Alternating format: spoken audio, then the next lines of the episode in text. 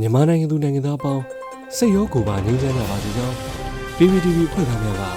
ဆုတောင်းမေတ္တာပို့သလိုက်ရပါတယ်။အခုချိန်ကစပြီးတိုင်းသားညီတော်အင်အားစုတွေပြည်သူ့ကာကွယ်ရေးတပ်မတော် PDF တပ်သားတွေနဲ့ပြည်သူလူထုရဲ့အချိန်ဟုန်မြင့်မားလာသောတိုက်ပွဲသတင်းတွေကိုစုစည်းတင်ဆက်ပေးသွားတော့မှာဖြစ်ပါတယ်။ကျွန်တော်ຫນွေဦးလင်းပါပထမဆုံးအနေနဲ့မြစ်စုံအနီး KIA နဲ့ PDF ပူးပေါင်းကွန်မန်ဒို9ဦးဖြင့်အင်အားရာကျော်ပါစစ်တပ်စစ်ကြောင်းကိုပဒေသာမိုင်းဆွဲပြီးပြစ်ခတ်တိုက်ခိုက်မှုစစ်ကောင်စီဘက်မှ18ဦးထပ်မံတေဆုံးပြီးအများပြားဒဏ်ရာရတဲ့တဲ့ရင်ကိုတင်ဆက်ပါမယ်။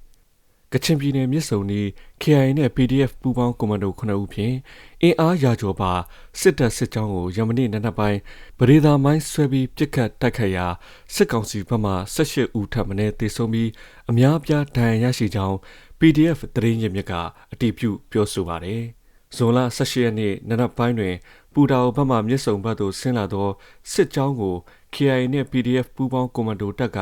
ပဒေသာမိုင်းဆွဲ၍ပြစ်ခတ်တိုက်ခိုက်ခဲ့ခြင်းဖြစ်ပြီးသတင်းကြိုရ၍ပြင်ဆင်တိုက်ခိုက်နိုင်ခဲ့ခြင်းဖြစ်ကြောင်းသိရှိရပါတယ်။ KIA သတင်းရင်းမြစ်ကလည်းမြစ်စုံအနီးတွင်စစ်ကောင်စီမိုင်းအကြိမ်ကြိမ်ဆွဲခံခဲ့ရပြီးတေဆုံးသူများပြားကြောင်း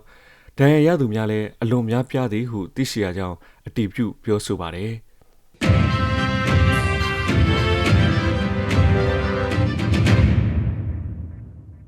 ဆက်လက်ပြီးရင်းမာပင်တွင်စစ်တပ်စစ်ကြောင်းမိုင်းဆွဲတိုက်ခိုက်ခံရပြီး10ဦးသေဆုံးတဲ့တဲ့ရင်ကိုတင်ဆက်ပါမယ်။စကိုင်းတိုင်းရင်းမာပင်မြို့မှာထွက်ခွာလာတဲ့အကြမ်းဖက်စစ်ကောင်စီစစ်ကြောင်းကိုဇွန်လ19ရက်နေ့နနက်9:00နာရီခန့်ကဖိုဝင်တောင်လမ်းခွဲနီး ဒေသခံကာကွယ်တပ်ဖွဲ့များကမိုင်းဆွဲတိုက်ခတ်ခဲ့ပြီးစစ်သား10ဦးသေဆုံးခဲ့ကြောင်းသိရှိရပါတယ်။အဆိုပါအကြမ်းဖက်စစ်တပ်စစ်ကြောင်းကို Golden Star Force ရဲဘော်ဆွဲဆောင်မောင်မောင်နယ်စီမချဇာမနီပျောက်ကြားတပ်ဖွဲ့မှဘိုဟီရို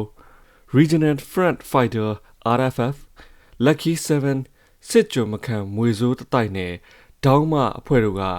ရှေ့ထွက်ငါးလုံးတွဲမိုင်းဖြင့်ဖောက်ခွဲတိုက်ခိုက်ခဲ့ခြင်းဖြစ်ကြောင်းသိရပါတယ်။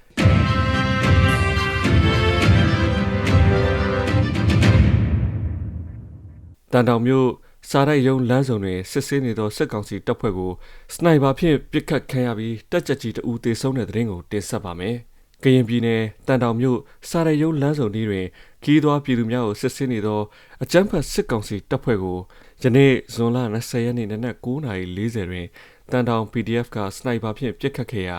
တပ်ကြပ်ကြီးအဆင့်စစ်သားတအူသေဆုံးသွားကြောင်းတန်တောင် PDF ကသတင်းထုတ်ပြန်ပါတယ်။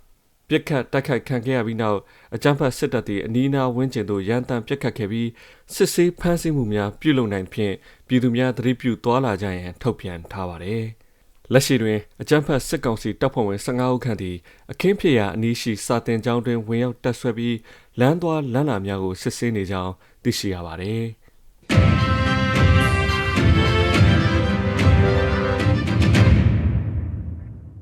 နောက်ဆုံးအနေနဲ့အမျိုးသားညီညွတ်ရေးအစိုးရပြည်ထောင်နဲ့လူမှုကြီးကြပ်ရေးဝန်ကြီးဌာနက2022ခုနှစ်ဇွန်လ20ရက်နေ့ရက်စွဲနဲ့ထုတ်ပြန်တဲ့ပြည်သူ့ခုခံတော်လှန်စစ်သတင်းချက်လက်တွေကိုတင်ဆက်ပေးသွားမှာပါ။အာဏာသိမ်းအကြမ်းဖက်စစ်အုပ်စု၏ပြည်သူလူထုပေါ်အကြမ်းဖက်ဖိနှိပ်ဖမ်းဆီးတိုက်ခိုက်တပ်ဖြတ်နေမှုများကိုပြည်သူလူထုတရက်လုံးကအသက်ရှင်တန်ရေးအတွက်မိမိကိုယ်ကိုမိမိခုခံကာကွယ်ပိုင်ခွင့်ရာ ပြည်သူခုခံစစ် People Defenses War ကိုဆင်နွှဲလျက်ရှိပါတယ်။သတင်းချက်လက်များအရ19ရက်6လ2022ခုနှစ်တောက်ကြနေ့တွင်စစ်ကောင်စီတပ်ဖွဲ့ဝင်12ဦးသေဆုံးပြီးထိခိုက်ဒဏ်ရာရရှိသူ